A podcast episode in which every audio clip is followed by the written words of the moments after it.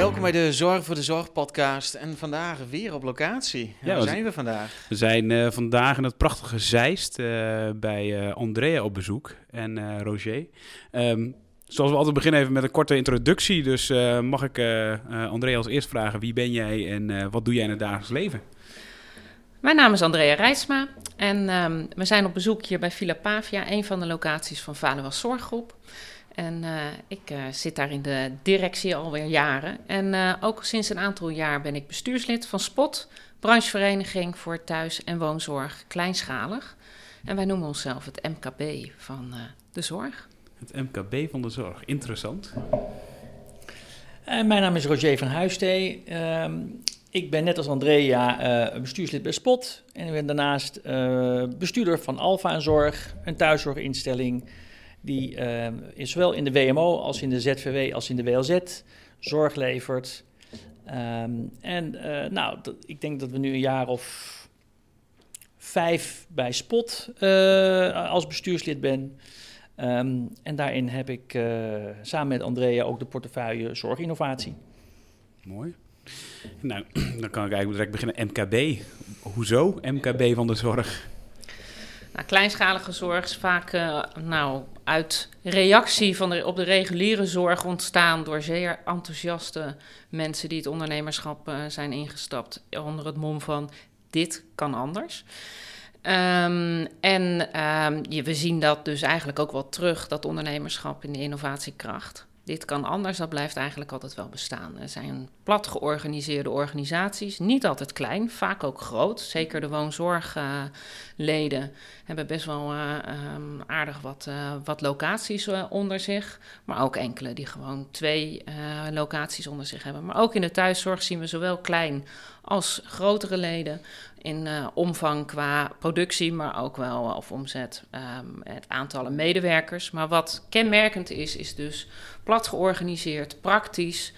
Eh, het gaat om die zorg, het gaat om de medewerkers en dat hoog in het vaandel hebben. En Is- dus ook continu bezig zijn van ja, hoe kunnen we daar dat het beste organiseren. Wat is dat dan ook het echt anders? Of ja, kun je ook een voorbeeld noemen? Je zegt plat gewoon, is dat dan wat anders is? Of bied je ook echt andere dingen en zeg, goh, dat is nou een mooi voorbeeld, voorbeeld van dat doen we anders? Ehm, met name in de kracht eh, persoonlijk ge- persoonsgerichte zorg. Hè. Het Mhm. is een, toch wel een beetje een term wat eh, mm, veel gebruikt wordt. Maar waar je het echt terugziet, dat vind ik toch wel eh, bij de leden van, van Spot. Dus de kracht zit hem met name in doen wat je zegt. En eh, het gaat echt om die cliënt en niet om grote managementlagen. Het zijn vaak ook de ondernemers zelf die nog meewerken in, eh, in de zorg of op de werkvloer. En eh, nou, het gaat om om de medewerkers en om de, om de cliënten. Ja. Ja. En eh, in deze podcast gaat natuurlijk over zorgen voor de zorg. Hè? En dat doen jullie. Jullie zorgen voor de zorg met jullie bedrijven. Ehm, en zijn er ook zorgen die jullie hebben over de zorg? En dan kijk ik even naar links. Eh, Welke zorgen heb jij? Nou, kijk, ik denk dat we in grote lijnen allemaal zien dat het huidige systeem ehm, eh, van de, de manier waarop we zorg georganiseerd hebben in ons land, dat het wel een beetje op barsten staat. Hè? Ik gaf net al aan, hè, we hebben verschillende financieringstromen. Ehm, maar ja, die budgetten zijn ook niet oneindig. Ehm, eh, we zien een zorgvraag. Het aantal, aantal 70-jarigen neemt toe, 80-jarigen verdubbeld, 90-jarigen verdriedubbeld. Nou, zo gaat dat maar door. Dus onze zorgvraag gaat exponentieel toenemen. Ehm, maar we hebben ook nog eh, de medewerkers die die zorg moeten verlenen. En ehm, ja, dat groeit niet zo hard. Eh, sterker nog eens, eh, er zijn er ook die stoppen met de zorg omdat ze vinden dat de werkdruk te hoog is. Ehm, dat ze te weinig eigen autonomie en regelvrijheid krijgen in organisaties. Dat ze onvoldoende gewaardeerd worden. Dat ze de arbeidsvoorwaarden lastig vinden. Ehm, en dat betekent eigenlijk dat als je al die uitdagingen bij elkaar ziet, dat eh, ja, dat, dat zorgelijk is. Ehm, wat bijzonder is, is dat eh, zowel over al deze drie financieringsbronnen eh, zeggen de opdrachtgevers in de zorg, de financiers van, ja, maar innovatie gaat ons redden. Dus het is een heel positief beeld. Nou, mooi. Ehm, maar maar ja, dat moet allemaal nog wel gebeuren. Dus mijn zorgen zijn van, ja, jongens, we- die groei komt eraan. En dat infarct, dat is eerder, laten we zeggen, nu dan over drie tot vijf jaar. Vandaag zien wij al eh, serieus barsten in dat bestel. dat is een goede vraag. Ik, ik denk dat het op een aantal uh, facetten natuurlijk misgaat. Ik denk allereerst dat wij drie verschillende financieringsstromen hebben, dat dat niet helpt. Um, dus dan hebben we nog allemaal die verschillende kokers. En dat maakt denk ik niet altijd uh, dat we daarbij de cliënt of de patiënt centraal stellen. En dat we kijken wat daar nodig is. Dat is denk ik belangrijk. Het tweede is denk ik is dat we tussen de verschillende ketens. Hè, dus laten we zeggen, wat je in de eerste lijn had. Dus vroeger hadden we ook nog een welzijnstak. Die, die, ja, was er een buurthuis waar, waar dingen gebeuren. En we hebben dat heel snel ook al in een soort professionele uh, uh, wereld getrokken. Van professionele dienstverlening. En dat heeft het niet goedkoper gemaakt, laat ik het zo zeggen. Um, dus dus het, het, het middenveld en de mantelzorg, dat is ook nog wel iets waar we naar kunnen kijken. En als derde is het ook nadenken over de werkroutines en alle protocollen die we in de zorg hebben gemaakt. Waardoor we ook soms ja, misschien wel meer tijd kwijt zijn aan verslaglegging, aan rapportage, aan alle protocollen waarvan je denkt, nou, ik weet niet of dat bijdraagt aan de directe zorg, mhm. maar ook belangrijker aan het werkgeluk van onze medewerkers. Want wat vind je dan van die programma's? Hè? Er zijn heel veel programma's, oh, de regeldruk verminderen. Nou, ik, ik, ik heb wat nou ja, Andrea lacht al, maar ik heb wat verhalen uit praktijk gehoord. Ze kwamen langs, dit moet weggestreven, aan de achterkant kan er dan toch wel. Maar als we dit wegstreven, moeten we wel dit uh, qua beleid gaan doen. Dus, en wat vind je dan van de afgelopen jaren? Hè? Regeldruk verminderen, allemaal programma's. Wat is daar dan uitgekomen? Wat zien jullie dan in de praktijk? Ja, ik, op, ik, op zich vind ik de intentie prachtig. Hè? Mhm. Dus, uh, alleen ik vind het wel, waar je aan de ene kant inderdaad regels afschaft, komen er aan de andere kant weer bij. Dus uh, ik vind hem lastig. Um, wat je ziet is dat um, wij wel in een soort uh, controle traject geraakt zijn. Hè? Dus wat, wat, zie je op het moment dat ergens de kosten de spuigaten uitlopen, hè, dus dat de, de begroting voor de zorg maar groeit en groeit en groeit de kosten van andere dingen, ja, dan raken mensen in een kramp en dan ontstaat een soort controledwang van oké, ik wil nog eens weten waar al dat geld naartoe gaat. Ja, en dat leidt weer tot extra regels en dat leidt weer tot ja, overhead uh, en, en nog meer mensen die, die bezig zijn met verslaglegging en met rapportages en met allerlei andere dingen. Dus dat, en dat, dat kan ik bijvoorbeeld introduceren aan een heel klein praktisch voorbeeldje. Um, inmiddels is het zo dat, wij in een aantal sectoren wachtlijsten in de zorg kennen. En uh, gemeentes die vinden dat natuurlijk heel vervelend, want die willen dat ze hun burgers die zorg krijgen. Uh, um, want die hebben ook de zorgplicht om dat te organiseren. En feitelijk wat je nu ziet is, nu zijn er gemeentes die vragen om iedere week een update te sturen op postcode uh, niveau wat de wachtlijst is en wanneer mensen aan de beurt komen. Nou, dat betekent dus dat wij dus daar kunnen daar extra mensen op aannemen om gemeentes te informeren over waar wanneer nou er de wachtlijst is. Nou, dat is dus een heel concreet voorbeeld. Maar daar krijg je geen extra gelden voor, want natuurlijk wil je mensen aan werk helpen, maar... Ja, dus, dus uh, ja, het is positief om te denken. Ik, ben blij dat het geland is, dat, dat, dat zij toegeven dat er regeldruk is. Alleen die wordt niet minder. Nee.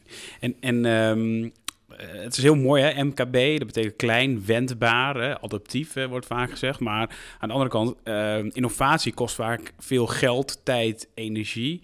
Hoe doen jullie dat in, in, in, in het, binnen het MKB? Want ik kan me voorstellen dat dat voor een groot bedrijf relatief simpeler is dan voor een klein uh, ondernemer. Het is al heel erg lastig voor de kleinere ondernemers om bij te blijven waar al die subsidiepotten eigenlijk zitten.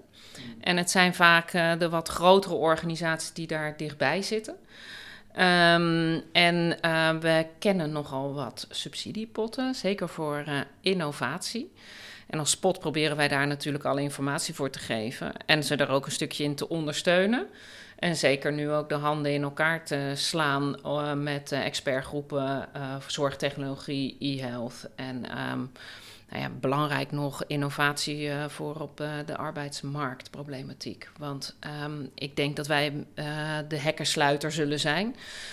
Maar um, ook wij ontkomen er niet aan dat uh, de uitstroom van medewerkers op dit moment, zorgmedewerkers, groter is dan, uh, dan de instroom. En ik denk de, eerlijk gezegd dat wij in Nederland de zorg een beetje verpest hebben. En dat uh, de mensen die daarin willen werken, nou, maar minimaal is nog. En dat vind ik dat, dat gaat me echt aan mijn hart. Dat vind ik gewoon, uh, dat was niet nodig geweest. En wat bedoel je dan met verpest? Wat, wat hebben we dan gedaan? Wij hebben we kampen met een enorm imagoprobleem. Je hoorde het eigenlijk, uh, Roger zei het net ook al. We hebben de zorg overgeprofessionaliseerd. Met alle verantwoording daarin. Er is weinig ruimte nog om echt daadwerkelijk te zorgen vanuit je hart. Kijk, dat is wat, wat wij uh, binnen onze organisatie uh, willen geven aan onze medewerkers. En ik denk ook uh, dat de leden van Spot, die zitten ook op, dat, op die ambitie. En eigenlijk wordt dat so soort van onmogelijk gemaakt. Wij moeten als organisaties heel hard knokken om te voorkomen dat onze medewerkers verzuipen in allerlei protocollen en verantwoording. Dus als we nou eens innovatie zouden kunnen inzetten en met name ook zorgtechnologie, dat zo, zodanig kunnen inzetten in het zorgproces dat in ieder geval al die regeltjes en die verantwoordingsdruk en bijzaak wordt en wordt overgenomen door technologie en die medewerkers puur kunnen bezighouden met het verlenen van zorg en het, het, het geven van begeleiding aan de mensen die dat nodig hebben. En um, toelaten dat er een groep mensen heel veel ook van onze cliënten gewoon heel veel zelf kan. En daarbij een stuk vrijwilligers, mantelzorgers daarbij kunnen betrekken. En niet omdat, omdat dat moet, maar omdat die mensen ook heel graag um, zorg willen geven. En dat mag toch gewoon? Ja, zeker. En, die, en, en, en welke, want dan heb je het eigenlijk over procesoptimalisatie, dus de eigen zorgproces.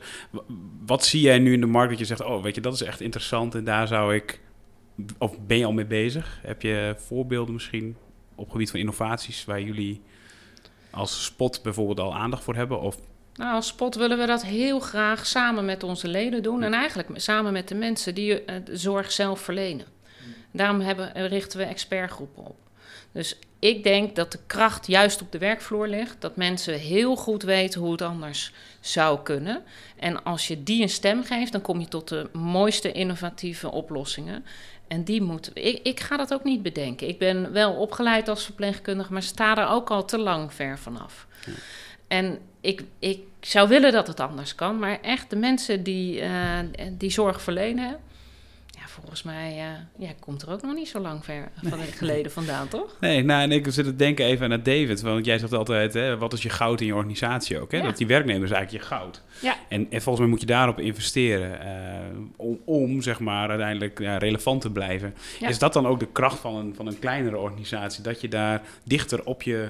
Hè, dat je echt nog ziet met wie je, voor wie je doet en met wie je werkt. Als, ook als nou ja, bestuurder, als directeur. Je bent wel wendbaarder. En ik denk ook dat wij uh, het lef hebben als ondernemer om ook niet-zorgmedewerkers in te zetten in, uh, in processen die wel ja, hard hebben.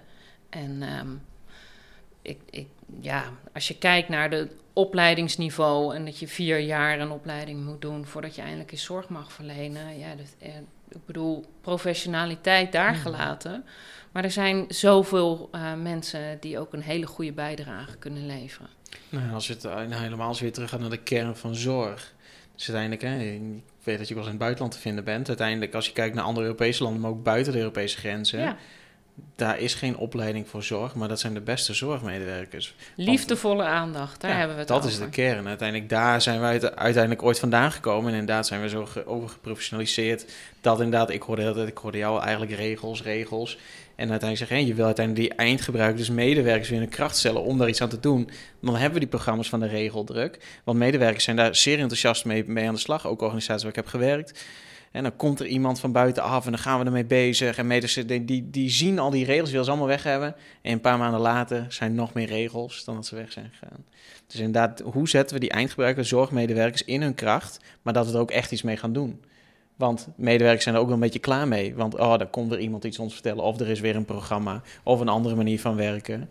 Maar hoe kunnen we ze in die kracht zetten om dat uiteindelijk uh, echt te gaan doen, om te zetten? Nou, hebben jullie een idee?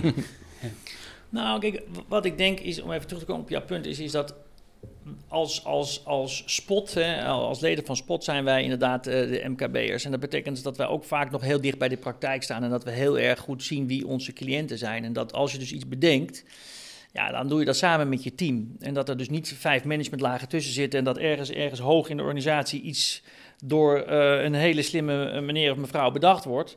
Maar dat dat gewoon op de werkvloer, aan de keukentafel, joh, je komt uit de wijk, wat kom je nou tegen en wat zie je nou en hoe gaan we nou uh, die, die, die cliënt helpen?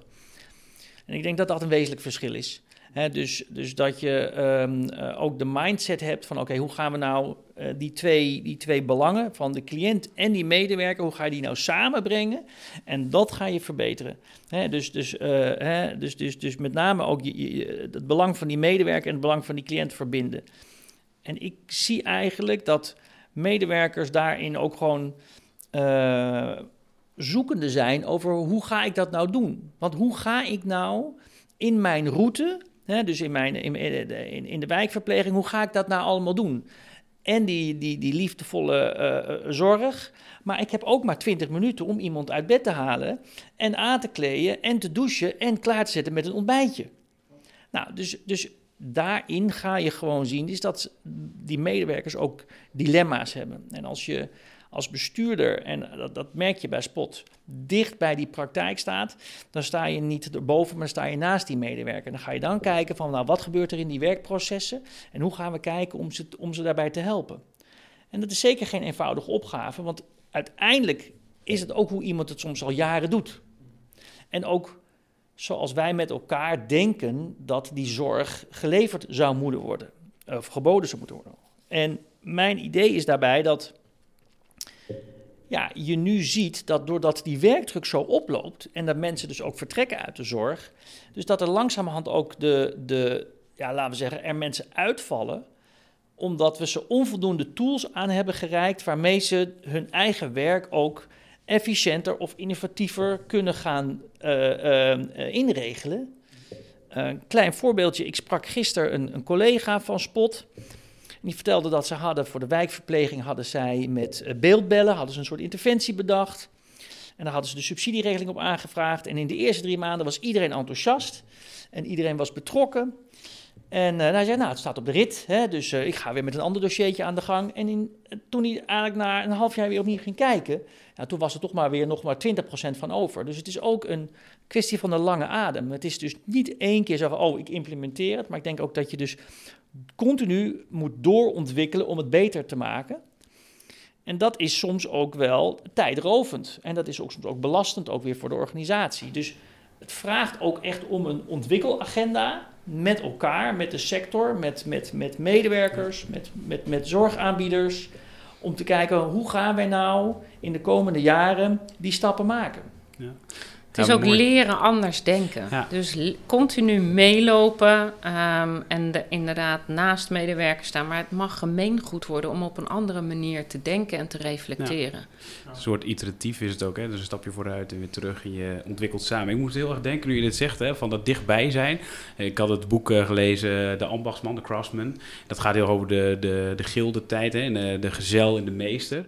En dat we eigenlijk in, in, door die snelheid van technologie eigenlijk onbe on, ja, uh, onbedoeld of onbewust eigenlijk te snel, te, te weinig stilstaan bij de vaardigheid die de ander nog moet leren. En, en normaal mm. ging je zeven jaar ging je in, de, in de leren. En voordat jij zelf uh, eruit vloog om, om nou ja, je, je werk, ergens, je ambacht ergens anders te mm. doen. Dus we moeten misschien af en toe wel moeten. Het zou mooi zijn dat we het misschien wel meer zien als een ambacht. Hè? Dat innovatie of dat die verandering ook een ambacht. En dat vraagt talent en kennis en vaardigheden. En dat je daar mensen langer, langdurig op ondersteunt. Er zijn wel mooie initiatieven. Hè? Ik bedoel, er zijn mhm. goede opleidingen die dit ondersteunen. Ja, ik, zit, ik zit gelijk aan onze hè, virtuality trainingen te denken. Uiteindelijk, dat is uiteindelijk hè, die praktijksituaties die wij in VR uh, eh, vormgeven... om medewerkers sneller met bepaalde situaties aanmerking te laten komen. Eigenlijk voorheen is het van sommige situaties die wij uitschetsen in VR... Ja, misschien kom je die in je vierde jaar van je werk tegen, misschien in je tiende jaar, misschien kom je nooit tegen. Maar we hebben al die, hè, met dat, met dat in, in de leer gaan bij iemand, die hebben wij allemaal daarin zitten om uiteindelijk het proces te versnellen. Want die tijd hebben we niet meer. Ja, hoe gaan we het de komende jaren doen? Hoe hadden we het de afgelopen jaren moeten doen? En uiteindelijk toevallig vanochtend hadden wij een gesprek met iemand die zei van, nou, de een op de, we hebben één op de zeven zorgmedewerkers nodig. En die zei, maar uiteindelijk waar we straks, die hebben we nu nodig, maar straks is het één op de vier. Ja, de tijd is al op. ja, en, en, dat, en, dan, en dan zie je natuurlijk die trend, of die trend, je ziet die ontwikkeling op de microlearning, hè, dus leer, uh, leren dat wat je op dat moment nodig hebt. En ik denk dat dat wel heel erg bijdraagt aan van, hey, ik kom in een situatie en ik krijg direct de juiste kennis hè, die ik dan op dat moment nodig heb. En niet meer van, nou je had, uh, ik vind BIG-scholing als een hele mooie, dat één keer in de drie jaar moeten we BIG geschoold zijn. Um, voor de mensen thuis uh, die het niet weten, maar dat is je, eigenlijk je vaardigheidsniveau scholen binnen als, als zorgverlener. Ja. Um, en dat moet dan één keer in de drie jaar. En dan stampen we alles even in één week doorheen. Of in één dag, uh, vaak is dat. Ja, dan zijn we weer voor drie jaar actueel. Maar ja. op het moment dat jij staat in een situatie, je hebt het nodig, dan bel je je collega. Maar die collega is er straks niet. En hoe gaan we dat dan doen? En volgens mij is dat ook wat jullie zeggen. Dat die proces, we moeten anders naar die processen kijken. We moeten eigenlijk een soort herdefinitie hebben van hoe wij leren. Continu leren krijgt een andere, definitie, dat klopt. En daar heb je wel mensen ook de ruimte voor te bieden. En aan de andere kant hebben we dus die tijd niet. Dus we zijn op zoek naar middelen. En je noemt al een heel mooi voorbeeld, hè, die VR-trainingen. Om mensen toch um, vertrouwd te maken met situaties um, die toch ook gaan komen onherroepelijk. Omdat we nu eenmaal een hele grote groep kwetsbare mensen, ouderen, um, ja, die, uh, die zijn er nu al en dat we, die groep groeit. En uh, daar gaan we, moeten we met elkaar samen voor deze mensen zorgen. En dat zijn niet alleen maar professionals. Dus we moeten die professionaliteit eigenlijk, die over geprofessionaliseerde zorg gaan downsize en terugbrengen, denk ik. Of tenminste, die wordt automatisch al teruggebracht. Mhm. En dat is al gebeurd. Ja. En, maar we moeten die gaan delen met andere mensen. Ja, nou, ik, gisteren was interessant, hè? Connie Helder zei ook gisteren bij Anders Werkende Zorgcongres. Ze zei van, uiteindelijk, we moeten de samenleving gaan opvoeden. Dat is uiteindelijk, hè, wat je zegt, die, die, die workforce, die wordt, hè, de, de, de aantal werkenden binnen de zorg, zorgprofessionals, wat kleiner. Maar uiteindelijk onze samenleving moet gaan bijspringen. En uiteindelijk, we hadden laatst ook in, met een gesprek in Pax van wijken en buurten herdefiniëren. Want ze zeggen, ja, langer thuis wonen. Ja, dan heb je straks een wijk vol met ouderen die hulpbehoevend zijn. En dan gaan ze elkaar helpen. Nee, dat wordt je buurman of je buurvrouw. We werken allemaal fulltime. Hoe gaan we dat doen? Onze hele samenleving moeten we opnieuw gaan bedenken en vormgeven. Ja. Met de regeltjes er het liefst vanaf. Want uiteindelijk, wat je heel mooi zegt, die BIG-scholing om de drie jaar. Nou, in COVID hebben we in Nederland gezien. Het moment dat we uiteindelijk een tekort hadden aan verpleegkundigen. Er waren verpleegkundigen, hun BIG-scholing was misschien één tot zes maanden afgelopen. Konden niet meer ingezet worden. Mensen die in pensioen waren, konden niet meer ingezet worden. Nou, zo goed hebben wij dus in Nederland. We zeggen, de IC-capaciteit is te hoog personeel erop, maar is nou ja, één maand, sorry hè, één maand te laat met je bigscholing. Dat is weer die regeltjes. Ja. ja, maar je noemt ook een ander punt, is die sociale innovatie. Ook, zeker. En um, ik denk dat, die, uh, dat technologie heel veel kan. Uh, maar ook dat we uh, wet en regelgeving dat ondertussen ook beperkt. Dus het is inderdaad aan de kant van um, wet en regelgeving ook kijken om daar meer ruimte te creëren. Zodat technologie en innovatie de ruimte krijgt om zich te ontwikkelen op een goede manier. En niet altijd uitgaande van de. Nou ja, we weten allemaal dat de privacywetgeving ook beperkend werkt voor bepaalde technologische vooruitgang. Maar we willen met name de technologie niet laten zien. Zo van: goh, wat een mooie robot kunnen we maken. Maar we willen hem sociaal gericht in kunnen zetten, die technologie. Um, zodat we dat in het werkproces voor onze professionals gemakkelijker kunnen maken. En aan de andere kant andere mensen uh, die ook in de zorg willen werken, hoe, welke bijdrage ze ook willen leveren, vertrouwd kunnen maken met bepaalde situaties die um, onherroepelijk uh, die ze gaan tegenkomen. Ja, en, dat ook dat, dat, dat model van hè, de cliënt centraal en dan technologie, dan de mantelzorg en dan pas de professionele zorg. En ik denk dat dat zeg maar uh, steeds helderder is geworden in de afgelopen, maar dat ook steeds meer moet gaan worden. En wat is dan die technologie die als eerste cirkel mensen heen staat? Ja, daar moeten we naar op zoek, denk ik. Wat past echt bij uh, onze, onze mensen, hè? wij bij onszelf? Hè? Wat zou ik willen in mijn omgeving? Ja, maar wat ik denk dat, dat ook nog leidend moet zijn, is dat we in die technologie ook um, nadenken over substitutie. Als we technologie gaan inzetten, wat gaan we niet doen? Ja. Kijk, het zou, het zou denk ik het moet leidend zijn. Kijk, uiteindelijk zijn het de medewerkers die gaan die zorg verlenen. Dus als we beginnen met de medewerkers daar al enthousiast over te maken. En dat betekent dat er voor hun benefits moeten zijn. Daar moet er voor hun moet het, het werk voor de, voor de verpleegkundigen en voor de verzorgenden in de wijk, bij wijze van spreken. Het moet voor hun een stuk leuker, aangenamer, in hun kracht. Dat zijn allemaal termen die daar volgens mij bij horen. En als dat betekent dat zij toch nog meer cliënten op een goede manier kunnen helpen, um, ja, dan, dan laten we zeggen, ben ik nog niet zo negatief en dan heb ik ook nog niet zoveel zorgen. Alleen het is wel een soort van wijziging van, van, van perspectief, hoe je er naar kijkt.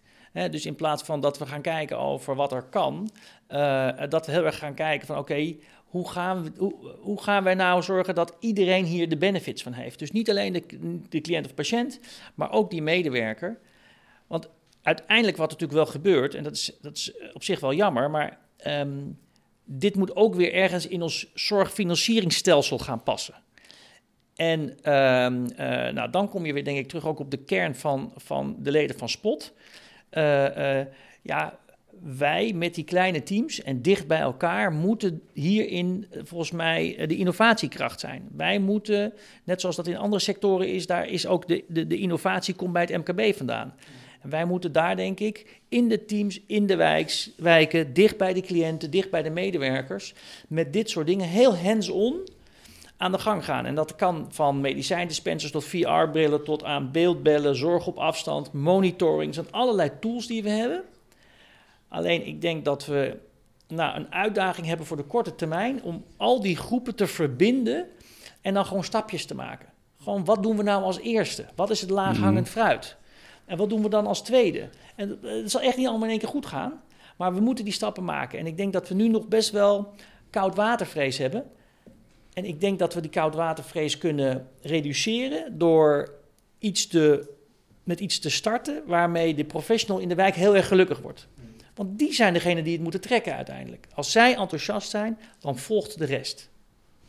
Maar, uh, maar je, je, je, je, zegt van een perspectiefverandering, maar volgens mij is er gewoon een paradigma shift nodig. Want met perspectief kun je nog terug, kun je zeggen, ja, zo kan het ook, maar zo ook. Maar volgens mij moet er naar een paradigma shift in die hele zorgsector, van we moeten het echt anders doen. En, en dan ook niet meer teruggrijpen naar het oude. Maar... Nou, en, en ik denk, hè, wat je ook mooi zegt, en dat hoorde ik gisteren op het congres ook, uiteindelijk voor medewerkers, hè, want wij roepen nu weer allemaal innovatieve dingen, maar voor medewerkers op de zorgvloer, uiteindelijk wat die zien is uiteindelijk, oh, wat een innovatie komt binnen. En toen zei ze ook, maar dat moeten we onderscheiden. Uiteindelijk is het een innovatie die nog verder ontwikkeld moet worden. Wat je zegt, hè, het mag ook wel eens misgaan. Of is het uiteindelijk een innovatie die wordt uh, geïntegreerd in het werkproces. Maar voor medewerkers het is weer een pilot. En het is allemaal, eigenlijk voor medewerkers is het allemaal hetzelfde. Hè? Of nou de Medido is, of de VR of iets anders. Voor hun is het allemaal hetzelfde.